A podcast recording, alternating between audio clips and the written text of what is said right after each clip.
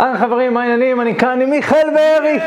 יש! והיום מה שאנחנו הולכים לעשות, אנחנו הולכים לדבר על מה לעשות ברגע שנגמר לך, מה לומר לבחורה, אתה מדבר עם בחורה ברחוב, או שאתה מדבר איתה בעבודה, או במכון, מה לעשות כשאתה לא יודע מה להגיד, היום אנחנו הולכים לדבר בדיוק על זה, אבל מי שלא מכיר אותנו, מה העניינים? לי קוראים אופק קורבינו. בשמונה שנים האחרונות אני חוקר את העולם הזה של הצלחה עם נשים והתפתחות אישית, באמת הגעתי לרמה מאוד מאוד טובה עם עצמי, בארבע שנים האחרונות אני וביחד עם מיכאל השותף שלי, פתחנו את תקשורת אמיתית שעוזרת לגברים גם להצליח בתחום הזה ולקחת שליטה על חיי הדייטינג שלהם ועזרנו כבר למאות ואולי אלפי גברים לעשות את זה. אה, אז ככה זה מאוד מגניב. מיכאל, אתה רוצה קצת... כן, גם אני, בכמה שנים האחרונות זה מה שאני עשיתי פחות או יותר, פתחנו ביחד את החברה. אה, לפני שנתיים נכנסתי סוף סוף לזוגיות שבחרתי בעצמי אחרי שנים ארוכות מאוד של סבל בתחום הזה. התפתחנו, למדנו, אה, הגענו למצב מאוד מאוד טוב שאנחנו מאמינים ביכולות הדייטינג שלנו, שאנחנו יכולים גם, למצב כל כך טוב שאנחנו יכולים לעזור ולהעביר את זה לאנשים נוספים וללמד אותם את מה שאנחנו עברנו, כדי שלא תצטרכו לעבור דברים כמו שאנחנו חווינו. אה, מה שהכניס אותי לתחום הזה לפני כמה שנים, מי שלא יודע, וזה ככה חדש לו, זה כל העניין של הבגידה שאני חוויתי מאחת מהבחורות שאני יצאתי איתן בזמנו, יצאנו שנתיים וחוויתי בגידה, זה הכניס אותי להבנה של בואנה, מה שעשיתי עד כה לא עבד, אה, לא מוצלח, גם סוף סוף נכנסתי לזוגיות עם בחורה מהממת בזמנו, היא בוגדת בי, אז למדתי יותר לעומק את כל העניין הזה של הצלחה עם נשים, ניהול של זוגיות וכו' וכו', וזה מה שאנחנו עושים פה, כדי לעזור לגברים נוספים לעבור את המסע שאנחנו עברנו, כדי שנהיה שלמים ומלאים בעולם הדייטינג שלנו. היום מה שאנחנו נעשה זה לדבר על מה לעשות כשנגמר לך מה לומר לבחורה, ולכולנו זה קורה, אתה מדבר עם מישהי ואז פתאום, אה, אה, מה עכשיו אני אומר, ו... וכן יש איזושהי הרגשה מסוימת של תקיעות, אז זה גם משהו שאנחנו התמודדנו איתו. אה, למזלנו גם רכשנו כלים כדי כן לצאת מהסיטואציות האלה ולהרגיש טוב, ולהרגיש בנוח גם, וליצור איזשהו שטף דיבור שככה אתה מרגיש בנוח, אתה מדבר עם בחורה וואלה זורם, וגם אם נתקע לך ואתה יודע, אין לך את המילים הנכונות להגיד באותו רגע, אתה כן יודע מה לעשות. אז אה, זה ככה מה שאנחנו הולכים לחלוק בסרטון הזה. ואם הייתי מתחיל באמת והייתי אומר, הנקודה הראשונה שככה הייתי רוצה להעלות, זה שבאיזשהו מקום, אתה יודע, בתור גברים, אנחנו לא מבינים שנשים לא מחפשות שלמות. יכול להיות שאתה יודע, גבר בא, והוא מחפש את הטקטיקות. את הטכניקות כדי להשלים את השיחה. בכל פעם שאני נתקע, שיהיה לי את ה... את איך אני מכניס ואיך את הסכמה. אה, בעוד ששתיקות זה אחד מהדברים הכי הגיוניים ולגיטימיים שיקרו בשיחה או בכל תקשורת אה, בין אישית. זאת אומרת, שתיקות זה לא משהו שהוא לא בסדר. אתה יודע, זה קטע מעניין שאתה מעלה את זה. כי אצלי, אף פעם אין שתיקות כאלה. אף פעם לא נגמר לי מה לומר. אני לא מרגיש בשיחות שלי עם נשים, ואני לא מרגיש בשיחות שלי עם אנשים, שנגמר לי מה לומר. והסיבה, אני חושב, יש שלוש רמות מסוימות אה, לתחום הזה, של הצלחה עם נשים, ואני חושב לכל תחום של התפתחות אישית. והרמה הכי נמוכה, הרמה הבסיסית, זאת הרמה של הסכמות. הרמה שבה אני מחפש את ה-patterns, את, ה, את השיטות, את הדרכים הספציפיות שאני יכול לשנן, כדי שכשאני אדע, ש, שיהיה לי את הכלים, שכשיהיה איזשהו אה, מצב שבו הבחורה או ולי אין מה לומר, אז אני אדחוף איזשהו סיפור. אני אדחוף איזשהו משפט שיתניע את השיחה מחדש. זה הרמה הכי נמוכה. שאפשר בשביל התפתחות אישית, זאת רמה בסיסית, אני לא אומר שהיא לא טובה, מתישהו בן אדם רוצה להתעלות מעליה, אבל חבר'ה שנמצאים בהתחלה שלהם בתחום הזה, הם יחפשו את הדברים שהם קוראים להם פרקטיקה, נכון? זה הדבר הראשון. הרמה השנייה, רמה יותר גבוהה מהפרקטיקה של אותם אנשים, זה אה, הרמה של העקרונות.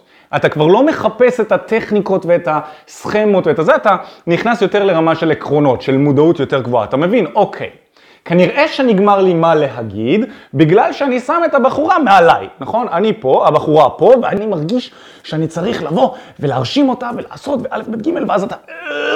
ונגמר לך מה להגיד דווקא מתוך הצורך הזה להרשים. אז אתה מבין את העיקרון שעומד מאחורי זה, ואתה מבין שאתה צריך לעשות עבודה כדי להביא את עצמך למצב שאתה והיא באותה רמה, ואז אתה לא מרגיש את הלחץ הזה ובאיזשהו מקום השיחה יותר זורמת.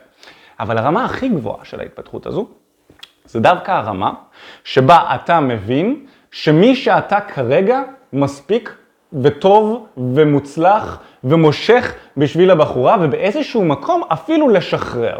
לשחרר ולתת לה למלא את השיחה אפילו באיזשהו מקום. אז זה שאתה באת ואתה אמרת שזה טבעי שהשיחות אה, אה, נקטעות, זה מוצלח וזה מושלם. לדעתי זאת הרמה השלישית של ההתפתחות בתחום הזה, בגלל שאתה מבין שבגלל שזה טבעי, באיזשהו מקום מותר לך לשחרר.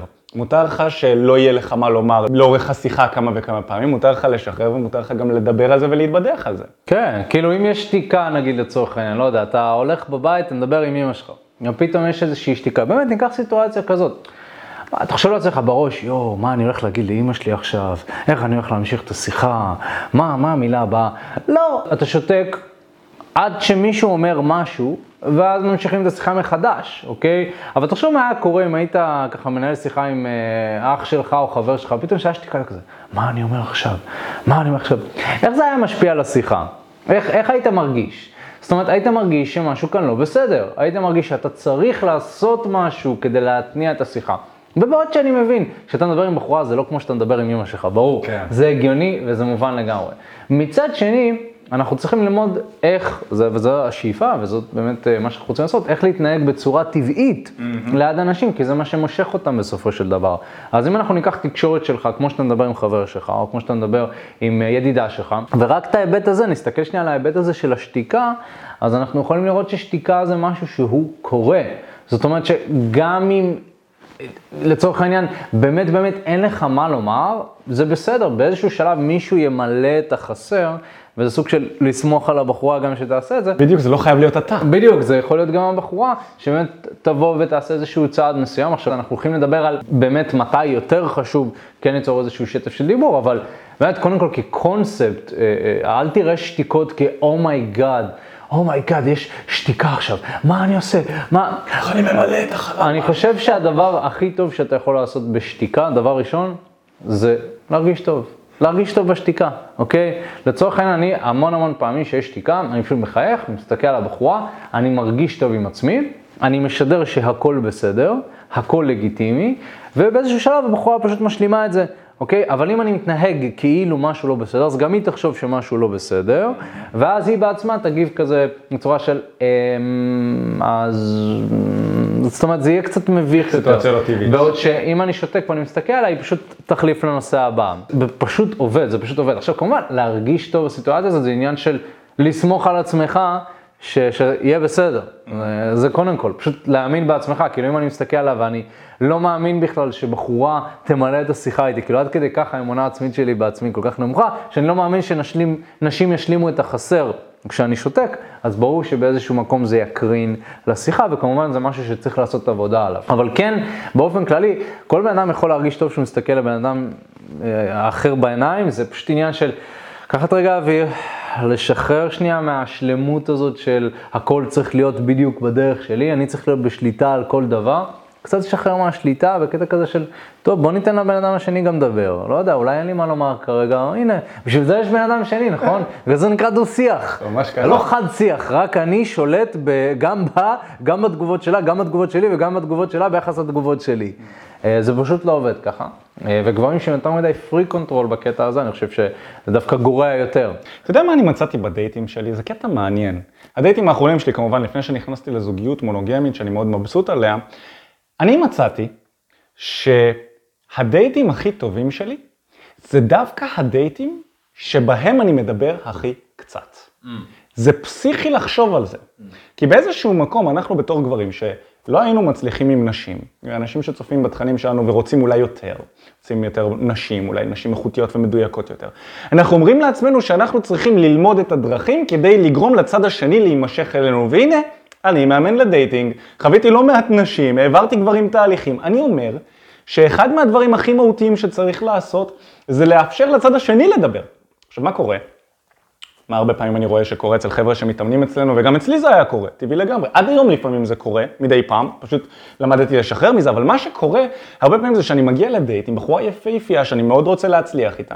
כמו שאמרתי, אני שם אותה פה ואותי כאן, הרבה פעמים. ואז אני מתנהג בצורה קצת לא טבעית, קצת לא משוחררת, שמקרינה גם לצד השני, כמו שאתה אמרת, ואז גם היא מרגישה לא טבעית ולא משוחררת, ואז היא לא מרגישה מספיק בטוחה, במרחב בטוח ופתוח כדי לשתף. בעוד שנשים מאוד טובות בקטע הזה של השיתוף. תיתן לאישה את המקום לדבר על הרגשות שלה, על עצמה, על הסיפורים שלה, והיא תדבר, ובקושי תשאיר לך מקום לדבר, נכון? אתה בטוח מכיר את זה. בדוק. וזה מדהים, זה מדהים, אתה נמצא באיזשהו מקום שאין מצב שיגמר מה להגיד. אפילו, הרבה פעמים נשים שאולי הן קצת פחות בטוחות בעצמן, הן יתחילו לחשוב לעצמן, רגע, מה אם ייגמר, לי מה להגיד? אז אתה שם את עצמך במקום של אני הפרס, נכון? בהמשך למה שאתה אמרת, זה את המקום של לאו דווקא להיות זה שצריך להיות אחראי באמת על איך השיחה מתנהלת ובשליטה על איך השיחה מתנהלת, אלא דווקא להיכנס, אנחנו בשיטת חמשת השלבים קוראים לזה שלב שלוש, להיכנס למקום שבו הבחורה משקיעה בך. זה השלב השלישי. כמובן שזה לא הגיוני לפני שהיא מרגישה איתך בנוח, ומשכת את תשומת הלב שלה, ולפני שהיא נמשכת אליך.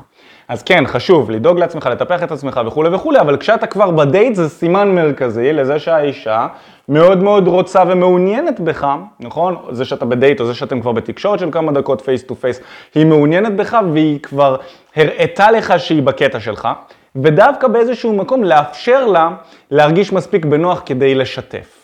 לשתף איתך. ואתה, רק תקשיב, נכון? לפתח את המודעות להקשבה. אני חושב שזה אה, אחד מהכלים הכי טובים. מעניין מאוד. אז בהיבט הזה, הייתי אומר שכן, זה נכון, חשוב לתת לנשים באמת את המקום ואת ה- את הספייס גם לדבר בעצמם, אני חושב שאתה תרגיש אה, טוב עם הרעיון הזה. אני חושב אבל שיש מקומות ספציפיים שכן כדאי ליצור שטף דיבור. אה, אני חושב, זה, זה בעיקר קריטי ב-90 שניות הראשונות, שאתה מכיר בן אדם בדרך כלל. אתה לא יכול פשוט לצפות שהוא ימלא את החסר כשהוא לא מכיר אותך. נכון. אז פה אני חושב שהמשקל כאן הוא יותר משמעותי. כאילו אם הייתי אומר, טוב, יש לך חלון הזדמנויות עכשיו של 90 שניות, אתה צריך לעשות רושם מסוים על בן אדם. אתה לא יכול לדבר 10 שניות ואז פשוט לשתוק, ואז רגע, אופק ומיכאל אמרו לי שזה בסדר לשתוק, אז תמלאי את החסר עכשיו. ואז זה יוצר סיטואציה מאוד מביכה. זה יוצר מאוד מביך, כי לא בנית מספיק ערך בעיני הבחורה הזאת כדי... שהיא תמלא. תמלא עוד, בדיוק. ובעוד שבחורה מגיעה לדייט, או שאתם מדברים כבר המון זמן, או שהיא מכירה אותך, זה מאוד לגיטימי, זה מאוד הגיוני. ולכן זה כל כך גאוני שאנחנו פיתחנו את שיטת חמשת השלבים. שאתה יודע שהשלב שבו הבחורה משקיעה בחזרה זה שלב שלוש. אחרי שעברתם את השלב הראשון, שלב הפתיח, ואחרי שעברתם את השלב השני, שלב הגבר לאישה.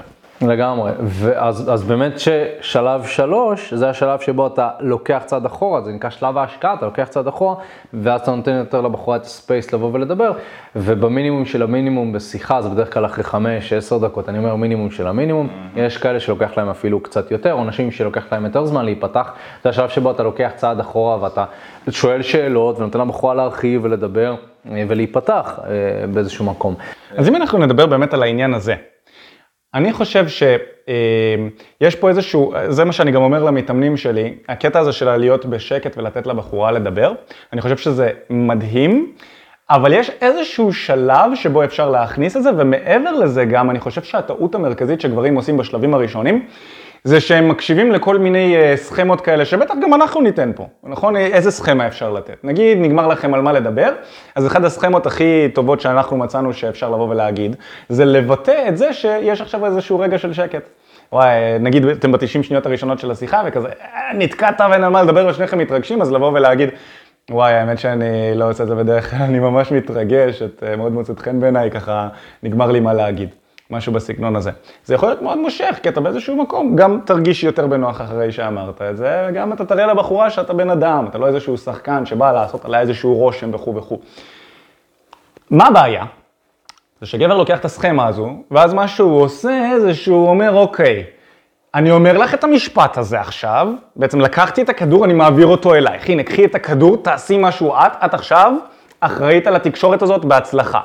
בעוד שנשים, במיוחד בתחילת התקשורת, בשלב ראשון ובשלב שני, נשים לאו דווקא ירצו לקחת את היוזמה על התקשורת ולאו דווקא לקחת את האחריות ואת המושכות על התקשורת. הן רוצות, באופן כוללני כמובן, שהגבר יהיה זה שמוביל ויוזם. וכשגבר בא וזורק את הכדור ככה לבחורה, אז באיזשהו מקום הוא לא עושה את התפקיד שלו בתקשורת הראשונית הזו. את מה שהבחורה מצפה שיקרה. זה, זה למה הסכמות האלה קצת פחות זה, אבל זה סכמה שיכולה לעבוד. אבל הרעיון הוא, זה שלמרות שאנחנו אומרים שזה בסדר להיות בשקט ולתת לבחורה לדבר, עדיין התפקיד שלך זה להיות זה שהכדור נמצא אצלו. אתה זה שמכוון ומכווין את השיחה, נכון? כן, לגמרי. ואני חושב שבאיזשהו מקום גם, זה תלוי איזה בן אדם אתה, כי וואלה, יכול מאוד להיות שאתה בן אדם שאוהב לדבר. אחי, כאילו, אתה יודע, הרעיון הזה של לתת לבחורה לדבר, וואלה, יכול להיות שזה לא צורת השיחה המועדפת עליך. וזה בסדר, אגב, אני יכול להגיד שהצורת השיחה המועדפת עליי זה 50-50. אני לא אוהב שאני מדבר יותר מדי, אני לא אוהב שהיא מדברת יותר מדי. אני חושב שיש פה איזשהו איזון, ובאיזשהו מקום, הנה, אתה צריך לקחת את היוזמה, כאילו, אם הבחורה מדברת והיא נפתחת, אז וואלה, גם באיזשהו מקום אולי זה לא כיף לך. זה גם איזשהו דפוס ריצוי כזה של, טוב, אופק ומיכאל אמרו לי להקשיב, אז אני אקשיב, הנה. לא, באיזשהו מקום אתה יכול להיכנס באמצע, כי בוא, ברגע שבחורה נפתחת ומתחילה לדבר, זה יכול להימשך, כאילו, ובקטע טוב, כן, הן אוהבות לדבר, הן אוהבות זה. מי שנהנה מזה, מדהים, שב אחי, אל תעשה כלום.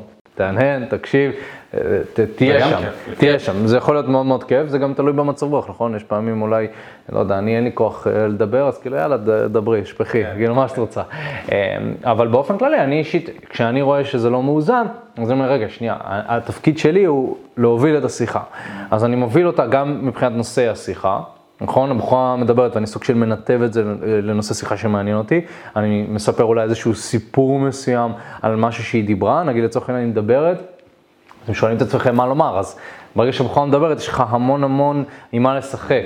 אז קודם כל זה הרבה יותר קל לדבר מתוך מה שהיא אמרה, מאשר ליצור מעריק. נכון. אפשר ליצור מעריק, זה קצת יותר מורכב, אתה יודע, נגיד לצורך העניין, אתה, אתה יכול להסתכל על פריטים בחלל, או על אנשים מסוימים, אתה יכול לדבר, נגיד, תגידי, מה את חושבת על הכובע הזה של הבחור הזה לובש? נראה לך זה יפה, יהיה לה יפה עליי בן אדם כזה? לא יודע, אני לא כזה גדול באופנה, אבל נראה שאת מבינה. אפשר, זה טיפה מורכב יותר, הרבה יותר קל לצורך העניין אני מספרת סיפור שהיא מטיילת או שהיא טילה באיזשהו מקום מסוים, וואו מדהים, זה מזכיר לי איזושהי פעם שהייתי בככה וככה ואז באמת אנחנו חולקים כאן חוויות. או להתעניין עוד יותר בטיול שלה. או להתעניין עוד יותר ולהגיד, מה באמת, אני הייתי שם ולא עשיתי את הדבר הזה. מה הדבר הכי מטורף שעשית שם? מה, כן. מה, מה, מה הטריף אותך שם? מה, מה, מה כאילו באמת עשה לך את זה? מה... אני חושב שאחד העניינים פה זה שהרבה פעמים גברים, כשהם יושבים עם אישה, והם, שוב, הם שמים את האישה מעליהם, קוראים להם דברים שלא קורים כשהם מדברים עם החבר הכי טוב שלהם. נכון, עם החבר הכי טוב אנחנו יושבים, השיחות קולחות, זה כיף. התירוץ שעובר לנו בתוך הראש זה כן, אבל אני מכיר אותו ואת החיים שלו. בעוד שבפועל, אתה פה בהיכרות עם בן אדם חדש, אתה יכול גם כן להכיר אותו ואת החיים שלו ועל זה לבסס את הסיפור, את, ה, את התקשורת. אבל מה שקורה עם החבר הכי טוב שלך זה שאתם מרגישים ששניכם מאוזנים, ואתם מדברים ביחד ויש שטף של דיבור. אתה, בזמן שאתם מדברים על נושא אחד, אתם לא חושבים כבר על הנושא הבא שאתם הולכים לדבר איתו. ואני מצאתי את עצמי, שאני יושב בדייטים, ואני מדבר עם בחורה על נושא אחד, ואני כל כך בלחץ שאני אומר לעצמי, רגע, אבל מה אם ייגמר לי מה להגיד? מה אם, מה אם ייגמר לי מה להגיד? ואז אני אצטרך לחשוב על נושא שיחה חדש, ואז לא יהיה נושא שיחה חדש, אז יהיה שקט, ושנינו נסתכל אחד על השני ככה. וזה יהיה צרצרים ברקע כזה, זה יהיה ממש מביך, נכון? מה אם זה יקרה? זה דברים שלא קורים לי כשאני יושב איתך. זה לא קורה, זה קורה רק כשאני יושב עם אישה שאני מרגיש שהיא מעל הליגה שלי. זה מה שהיה קורה לי פעם. וגם פה אני מאוד מתחבר למה שאתה אמרת. כרגיל. כרגיל. מזל שאנחנו שותפים. מוזר מאוד. כי יש, שוב, את שלושת רמות הלמידה באיזשהו מקום. ומה שאתה מתאר באמת זה השלב של השחרור.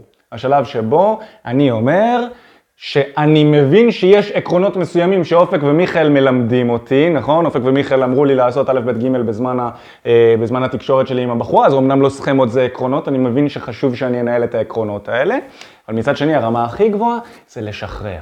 זה להבין שעשיתי כבר תהליך, עשיתי עבודה, למדתי, צברתי ניסיון, מי שאני היום, אחרי התהליך והעבודה שעשיתי, אני מספיק, הבחורה אה, תרוויח המון מזה שאני איתה. נכון? זה לעבוד על הדימוי העצמי שלנו, ובאיזשהו מקום לשחרר. אי אפשר לעשות את השחרור הזה תוך יומיים, שלושה. אה, מה שאני צריך לעשות זה לשחרר, אז בואו לא נעשה כלום, בואו נפסיק עם ההתפתחות האישית שלי, בואו נאמין שמי שאני עכשיו זה טוב ונזמן לעצמי חיים מוצלחים ומושלמים והבחורה... לא, זה לא עובד ככה, יש תהליך, נכון? כמו שאתה רואה איזה מתאגרף, איזה כדורגלן, איזה מישהו שעבד עשרות אלפי שעות כדי להגיע לרמה שבו הוא נמצא, אתה לא יכול לבוא ולהגיד לעצמך, אה אוקיי, אני רואה אותו עושה, עושה את התנועה הזאת פאף בנוקאוט, זה לא הגיוני, אתה לא יכול לראות אותו דופק שער, דופק גול מ-20 מטר ולהגיד, אה אוקיי, אז אני גם צריך לבעוט מ-20 מטר. לא.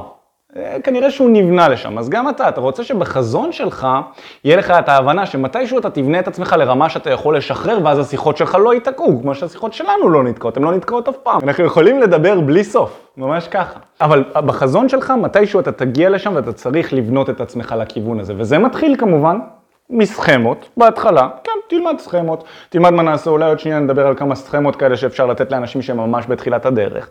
אחרי זה לזנוח את הסכמות, ללמוד את העקרונות, אחרי זה לזנוח את העקרונות, ללמוד לשחרר, זה איזשהו שלבים כאלה. אוקיי, okay, אז אם כבר דיברנו קצת, קצת על זה, אה, אני אשמח שכן נרחיב על העניין הזה של סכמות, או יותר נכון, כלים מסוימים שאפשר להשתמש בהם ברגע שיש שתיקה. אה, אני אתחיל, אני חושב ש... כלי ראשון, באמת כמו שדיברת עליו, זה עניין של ביטוי.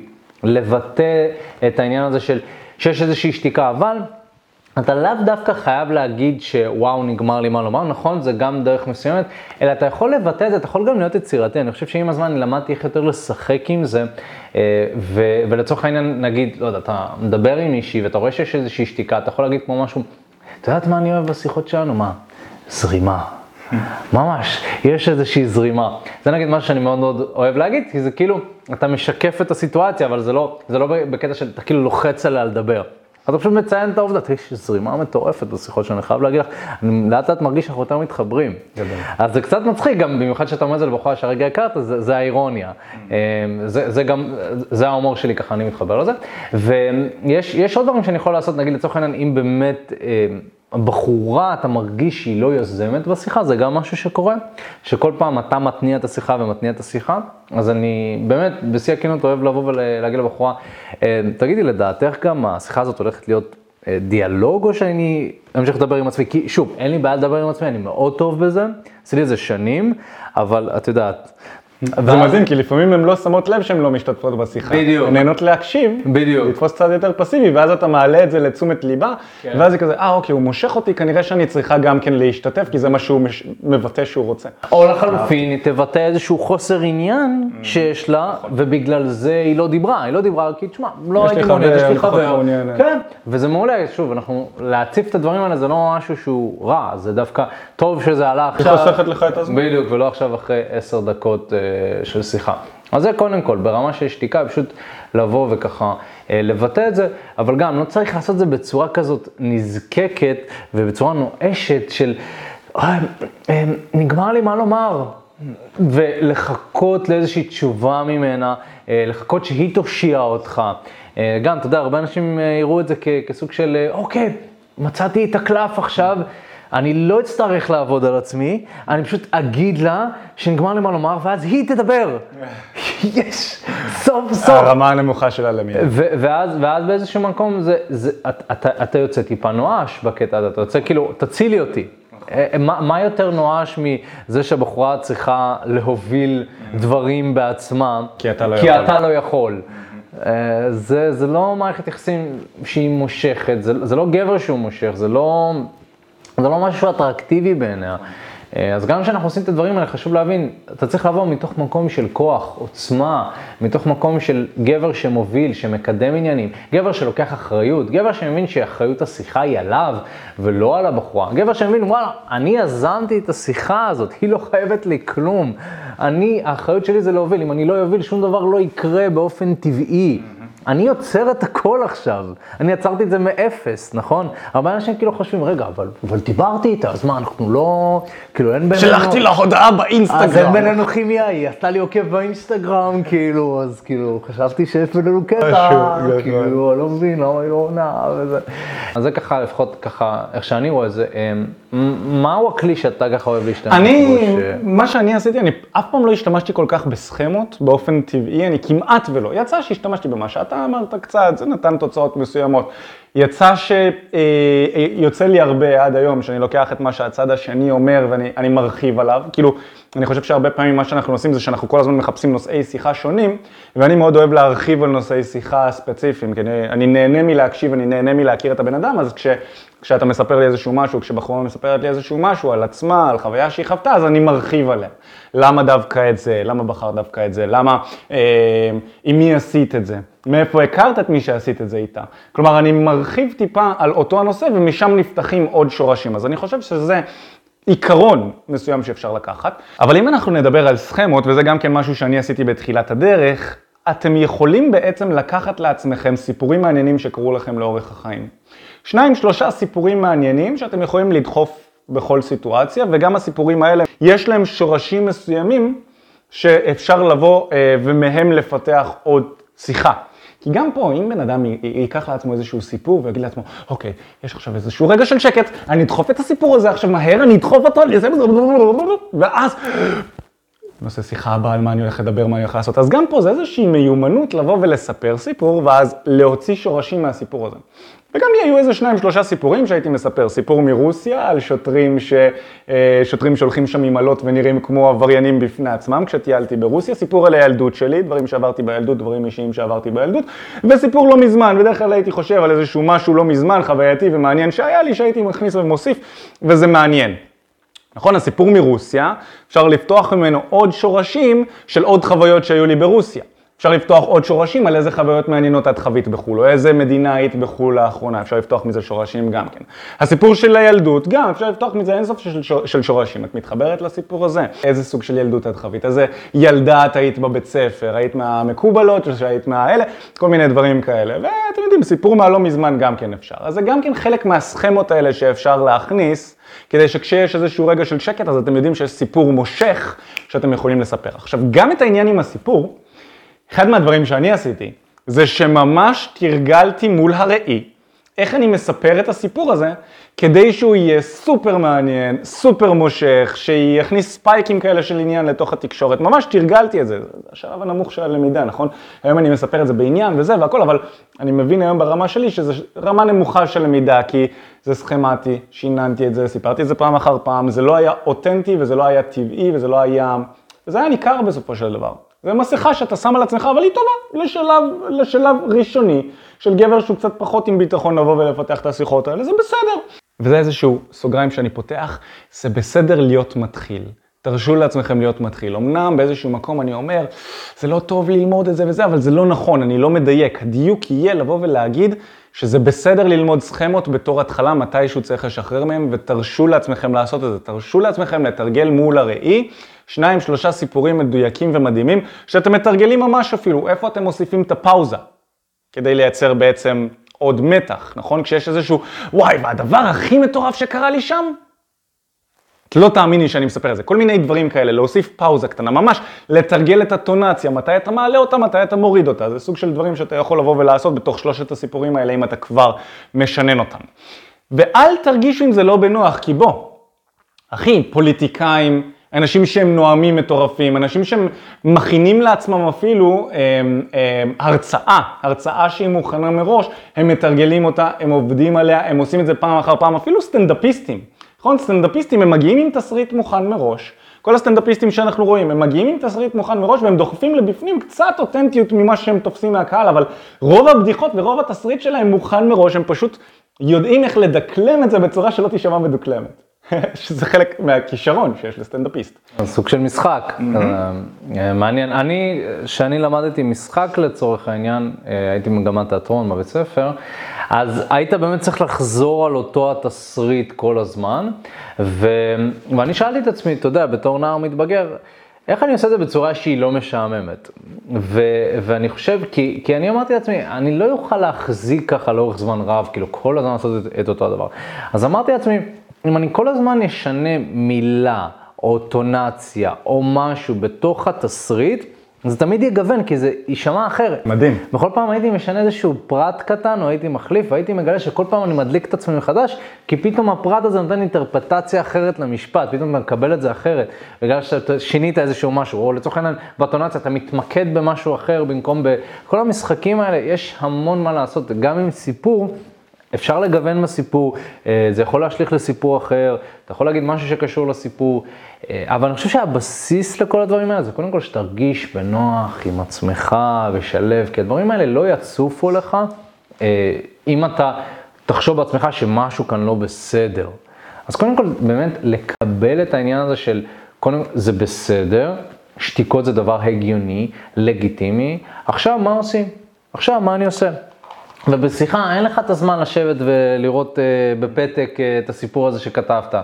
זה, זה לא מה שהבחורה מחפשת. הבחורה באיזשהו מקום היא רוצה אותך, היא רוצה לראות איך אתה כבן אדם מתמודד עם הסיטואציה הזאת. היא לאו דווקא צריכה את הסיפור. זאת אומרת שגם אם יש רגע של שקט, אבל הגבר מתמודד עם הרגע הזה של השקט בצורה יפה, בטוחה, זה יעשה את זה לבחורה. לגמרי, היא תראה שהוא מרגיש בנוח עם עצמו, זה יקרין לה ביטחון, היא תרגיש בטוחה, היא תרצה לעזור, היא תרצה לסייע, כי באיזשהו מקום, בחורה ברגע שהיא רואה גבר שיש לו ביטחון עצמי, היא תגיד, "אמ, אוקיי, אני רוצה לשמור על הגבר הזה, אני לא רוצה סתם לשחרר על רגע של שתיקה. אבל ברגע שיש גבר שכל הזמן חי על רוטין, קודם כל הוא מאוד לחוץ. נכון. הוא מאוד לחוץ, אה, אה, הוא, הוא כל הזמן צריך להיות בשליטה, הוא כל הזמן צריך לוודא שהסיפורים שלו עוברים כמו שצריך. אה, וזה לא הדרך לנהל שיחה, אתה יודע, אנחנו לומדים תקשורת אמיתית, אנחנו רוצים להיות כמה שיותר אותנטיים, אז באיזשהו מקום להיות אותנטי זה קודם כל להסתכל פנימה ולקבל את, ה, את השתיקה, לקבל את מה שקרה, ואני אחבר את זה ואני אגיד, שאמרת, זה בסדר להיות מתחיל, זה בסדר גם לא להיות טוב בזה. זה בסדר כאילו להיות לחוץ. נכון, אמרנו לקבל את השתיקה, אז גם אם כשאתה מקבל את השתיקה אתה סופר לחוץ, זה בסדר, הכל טוב, תהיה לחוץ. זה לא שהבחורה מסתכלת עליך עכשיו, אה, הוא לחוץ, טוב, הוא חסר ביטחון, "אמ, לא נראה לי שאני רוצה. לא, היא, היא, גם היא כנראה לחוצה, גם היא מובכת. שוב, אולי אתם רואים אותי ואת מיכאל ככה מדברים, וזה כאילו, אני לא אגיע לרמה הזאת בחיים, אני בחיים לא... צריך להתחיל איפשהו? אנחנו היינו שם. אנחנו גם התחלנו. אפילו סרטונים שלנו מאוד מתחילים. כן, בטח לא בשיתוף דיבור, היינו צריכים המון קאטים, היינו זה, שוב למדנו. לא, אז. ביוטיוב אפילו יש את הסרטון שלנו של איך להתחיל עם נשים. אפילו איך שדיברנו עם נשים, היינו צריכים לעשות קאטים בתוך הסרטון כדי לחתוך חלקים של שתיקות, היה מלא שתיקות, היה אינטראקציה והיה דחיות, וזה בסדר, שוב, הכל בסדר. אה, פעם באיזשהו מקום אה, אה, הרגשנו שאולי צריך להסתיר את זה, אולי צריך להראות לאנשים שאנחנו טובים, אנחנו רוצים להוכיח להם, אבל, אבל עם הזמן הבנו שזה בסדר, זאת אומרת גם אם אני שיח- מראה שיחה שהיא לא מושלמת, גם אם אני חושף את החוסר שלמות שבי, זה לא אומר שמשהו לא בסדר. והיום אנחנו כמובן נמצאים במצב אחר, היום יש לנו שטף דיבור, תראו את הסרטונים שלנו. אז זה משהו אחר, אבל, אבל זה בסדר, גם אז היינו יוצאים עם נשים, אמנם זה לא ברמה של היום, אבל גם אז היינו יכולים להצליח, זאת אומרת, היה לנו את היכולת, גם עם ההתרגשות הזאת וה, וכל העניין הזה. אז, אה, אז מיכאל, ככה אולי תספר לאנשים, מי שבאמת רוצה ככה לבוא ולעבוד איתנו וללמוד. בוא נספר מאיתנו. קודם כל על מה שאנחנו עושים אנחנו בעצם. עושים? מה שאנחנו עושים בפועל, זה אנחנו, אני חושב שאחד מהדברים שמייחדים אותנו בתור חברת דייטינג, זה שאנחנו לוקחים אנשים ומעבירים אותם תהליך אישי שאנחנו עברנו בעצמנו, והעברנו כבר למעל לאלף גברים בישראל, ואתה יודע, כאילו מיליוני צפיות ביוטיוב וכו' וכו'. אנחנו ממש לוקחים את האנשים באופן אישי ומעבירים אותם תהליך. לא קורס דיגיטלי, לא איזשהו קורס קבוצתי, לא בלבולי מוח. אלא ממש, אם אתה רוצה להשתפר ולהשתדרג עם נשים, לשפר את שטף הדיבור שלך, לשפר את הערך העצמי שלך, לשפר את איך שאתה מדבר עם נשים, לשפר ולהבין איך פסיכולוגיה נשית עובדת ועוד ועוד ועוד, כדי לקחת שליטה על חיי הדייטינג שלך, וכמובן להצליח בהם.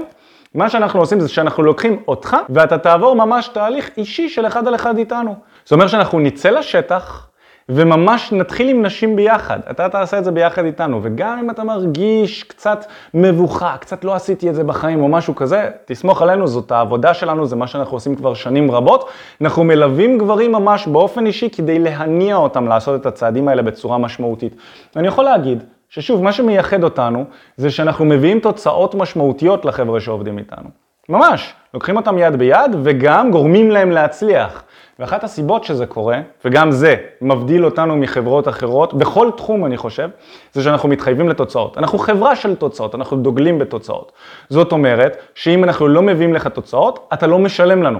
ברמה כזו. אז יש לנו את כל האינטרסים לבוא ולעזור לך להצליח. היי, מה הולך? תודה רבה שהקשבת לפודקאסט. אם אתה רוצה לשמוע את התכנים הנוספים ברגע שהם יעלו, כל מה שאתה צריך לעשות זה להירשם לפודקאסט איפה שאתה לא צופה בזה. פשוט תלחץ על לעקוב, וככה אתה תראה את התכנים האלה כשהם עולים. מעבר לזה, אם אתה רוצה לעבוד איתנו בשיטת חמשת השלבים, אתה מוזמן להצטרף לשיחת ייעוץ חינמית לגמרי. איך נרשמים לשיחת הייעוץ הזאת? אתה לוחץ על הלינק שנמצא איפשהו באזור כאן, שלך. וגם אתה יכול לרשום תקשורת אמיתית בגוגל, והדף הראשון שתראה כנראה גם יפנה אותך לשם. ברגע שאתה משאיר את הפרטים, אחד מהאנשים שלנו ייצור איתך קשר, כדי להבין בדיוק איפה אתה נמצא מבחינת חיי הדייטינג שלך, לאן אתה רוצה להגיע, ומהו המסלול הכי נכון ומדויק בשבילך. ויאללה אחי, אנחנו נתראה בפעם הבאה. יאללה ביי.